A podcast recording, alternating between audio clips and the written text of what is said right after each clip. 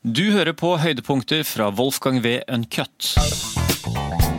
I, I boka mi så skriver jeg et kapittel om um, bygdeborgene. Og jeg syns det er sånn, det er en sånn underlig sak. Uh, rundt år 450 så skjer det noe veldig stort i Norge. Eh, og arkeologene har påpekt det i lang tid. Faktisk var det Ole Rygg, som var den norske arkeologiens far. Han og hele Universitetet i Oslo omtrent dro opp på Ringerike en kåt sommer i 1896 eller noe sånt, og så gravde de ut det som var gravhauger. Flere hundre av dem. Eh, spadde dem opp alt sammen. ikke sant? Eh, og så skriver han da etter alt dette, så sier han at overgangen mellom eldre og yngre jernalder, altså rundt 450, er den største mysteriet i nordisk arkeologi. Hva er mysteriet? Jo, pga. at før dette så er gravhaugene de er små og inneholder en, en, noen steinplater, og inni de så ligger det noen brente bein. Ingenting annet. Og så etter, etter, så blir gravhaugene blir større og større og større, og større, til du kan se eh, litt nedover i horisonten, så ser du Halvdanshaugen, som er gigantisk. Mm. Man la hele skipet inn i det. Mm. Nye våpen, drageornamentikken opptrer for første gang nå. Eh, en nye guder inntreffer. Lotte Hedager, store arkeologen den danske, sier jo, påpeker at odindyrkelsen kommer inn mye seinere enn det folk tror. Mm. Åsatroen kommer inn mye seinere enn det du tror. Det er ingen tegn til Odin-dyrkelse på 100-tallet. Du, du, må på 400-500-600-tallet for å eh, så liksom Du får en ny religion, du får nye begravelsesskikker, du får nye krigs... Eh, så, og samtidig, så akkurat da, i dette øyeblikket i norsk historie, så poff, så, så, så bygger vi rundt 400 bygdeborger. Sannsynligvis flere. Eneste eneste byggverkene fra norsk oldtid. Ikke en eneste av dem er utgravd. Men hvorfor, opp, hvorfor oppstår disse bygdeborgene akkurat da? Eh, Andreas Holmsen, som har skrevet av det du har sikkert lest, Alle som har studert, studert historie, har lest norsk historie fra de tidligste tider til 1660. ikke sant? Og I en av de senere utgavene av dette så, så sier han at eh, hvorfor bygde de bygdeborgene? Vel, det er nærliggende å tro at det var for en underlegen styrke å forsvare seg eh, i, i, i, livs, i livsfare. Mm. Og det vil jeg være med på, for hvis jeg har vært med og båret stein, jeg eh, har bygd skygarder Det er ingen som bærer stein med mindre du må, og du drar ikke svære kampesteiner opp på en rabb eller på en kolle mm. med mindre du har en veldig god grunn. Og når det skjer 400 ganger omtrent samtidig over hele landet, så sier han at det er, det er fremmede inntrengere er sannsynlig, Eh, og at det er fremmede germanere på, på ferde. Mm. Og det er jo sånt eh, Jeg, jeg syns det er veldig spennende å tenke på om Opplevde Norge en dramatisk innvandring eh, på denne tiden av, av folk som kan ha vært slektninger fra fjerne slektninger. Det kan ha vært fullstendig fremmede mennesker. Det kan fort, ha fortonet seg slik at noen kom og tok de beste gårdene. En krigersk ny gruppe, voldelige menn Eh, og kvinner, eh, som tok over og presset lokalbefolkningen ut på mer marginale gårder. Det som er kult, er at for ti år siden så ville dette vært en sånn samtale som der du kunne si ja, ja, Astrid, du, du, har, du, har, du har spennende teorier. Men saken er at eh, med moderne DNA-forskning og med LIDAR, altså georadar, mm. og den nye teknologien, så kan vi teste nye hypoteser. F.eks så er det kjempespennende. I Danmark så har de begynt å teste genmaterialet av de folka som er hauglagt. Er de, er de forskjellige mm. fra de som ikke er hauglagt? De har, de har materiale fra ulike typer graver. Er de i slekt med hverandre? Og er de i slekt med de folka som ble haulagt 500 år før dem? Mm. Vi må huske liksom, Det er to hauger som ser helt like ut for oss, kan ha vært for de som, de som bygde dem. Den ene ville vært så eldgammel at den kunne vært reist av gudene. Mm. Eh, og Det syns jeg er et veldig sånn spennende prosjekt.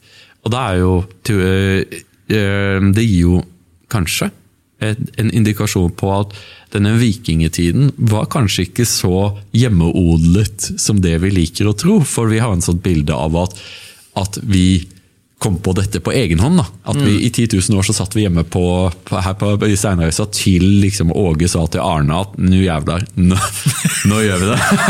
Vi, tar, vi, vet hva vi skal gjøre til sommeren? Vi skal til England! Men, det er også tenkelig at eh, det er en gruppe mennesker som setter seg på toppen av vårt samfunn. Mm. Eh, et herrefolk og som med tid og stunder går opp i befolkningene, men, at, eh, men som gir en ny impuls. og Det kan, kan, kanskje bidra til å forklare hvorfor de Skandinavia på mange måter eksploderer ut i Europa i folkevandringstiden. Kanskje det var en del av disse stammene som ikke var bofaste i Skandinavia, men som var i Skandinavia i en periode, sånn som f.eks. goterne. Så dette her er noe som er som hot, hot stuff i, i forskningsmiljøer og, og eh, akkurat nå. Så dette, dette, her er sånn man, eller Hvor mye vet man helt sikkert om det du, det du sier nå? Det, det, er veldig hot stuff. Eh, det er, et, det er et stort forsknings... Det er en voldsom rivaleri mellom de ulike DNA-labene. Ja. Det er én stor lab i Amerika, så er det én i Tyskland, og så er det den i København.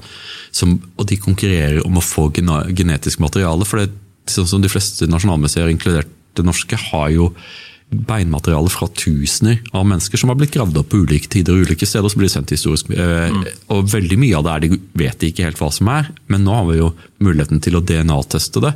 Og plutselig, hvis man får DNA ut av det, så kan du kanskje finne ut hvor dette mennesket ble født. Mm. Og det de har funnet, er jo at eh, i bronsealderen så var det mye større bevegelser over distanser enn det, over, enn det, vi var klar over. At et mm. vanlig liv kunne strekke seg over mange hundre kilometer. Du kunne dø eh, og leve livet ditt eh, veldig langt fra der du ble født og at det var en varehandel som hadde eh, Der den, eh, den minste grende i Norge på en eller annen måte var bundet opp i de store handelsplassene ved Svartehavet og Middelhavet. Mm. Eh, og Det er jo fascinerende, for vi har, sånt, vi har, en tendens til å se på norsk historie som at den begynner med vikingtiden. Ja, helt klart. Det er superspennende. Jeg ble jo jeg ble skikkelig blir skikkelig nysgjerrig igjen. Er, det noen spesielle steder hvor man kan følge det der fortløpende? Hvor, liksom, hvor, er det de nyhetene når de kommer, annet enn på VG? da? Uh, det er, dette er så cutting edge at, eh, at, ofte så publiseres funnene i Nature og Science. Altså mm. de to mest ledende ja, fagtidsskriftene, eller vitenskapelige tidsskriftene i verden.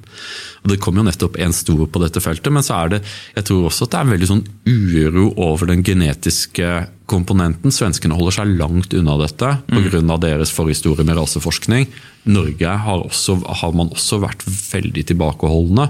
Og danskene ser nok også at eh, hvis du driver med forskning så blir møtt med, jubel, med stormende jubel av nazister, så, så, er du ja, men ikke sant, Du skjønner hva jeg mener? ja, jeg for det, liksom, for det, liksom, det, er jo en genetisk komponent her ikke mm. av krigere.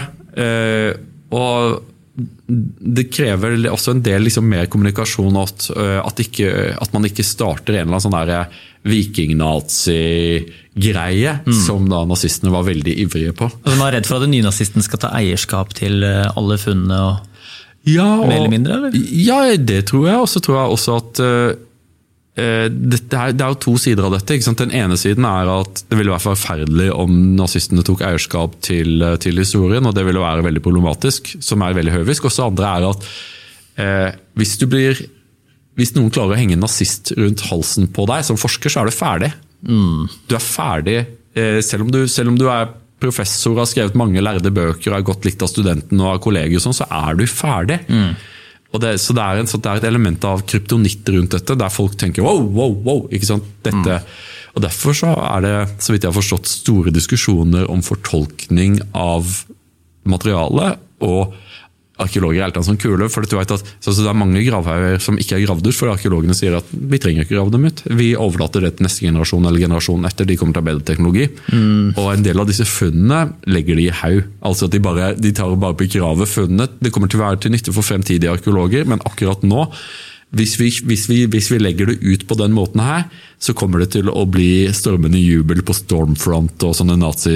Og det, og det vil være ødeleggende for vår, for vår forskning. Mm og kanskje ødeleggende for enkelte karrierer også, så de bare legger det til side også. Altså, kan man ikke få noen ansvarliggjøre noen som skal rett ut i pensjon, da, eller noen som har litt lite å tape på det her? Uh, som på en måte ikke er redd for å miste jobben og driter i renommeet sitt og ryktet sitt, men bare er opptatt av liksom, objektivitet. Da. Og kanskje ha flest mulig aktører inne i bildet. Det tenkte jeg også på sånn, For å finne sannheten, at ikke liksom, det går noe ideologi eller noe sensur oppi det her. At det er veldig mange aktører for å jobbe med det samme materialet. Da. Jeg, jeg, jeg tror at eh, jeg, tror, jeg, mistenker ikke noen for å drive med forskningsjuks, jeg tror at den informasjonen kommer til å, til å, komme fram. Men jeg tror at vi skal også ha sympati med at Forskere er jo bare forskere. Det å legge opp en kommunikasjonsstrategi for samfunnets bruk med kunnskapen er fryktelig vanskelig uansett fagfelt. Og det er jo liksom Hvis du driver med ting som f.eks.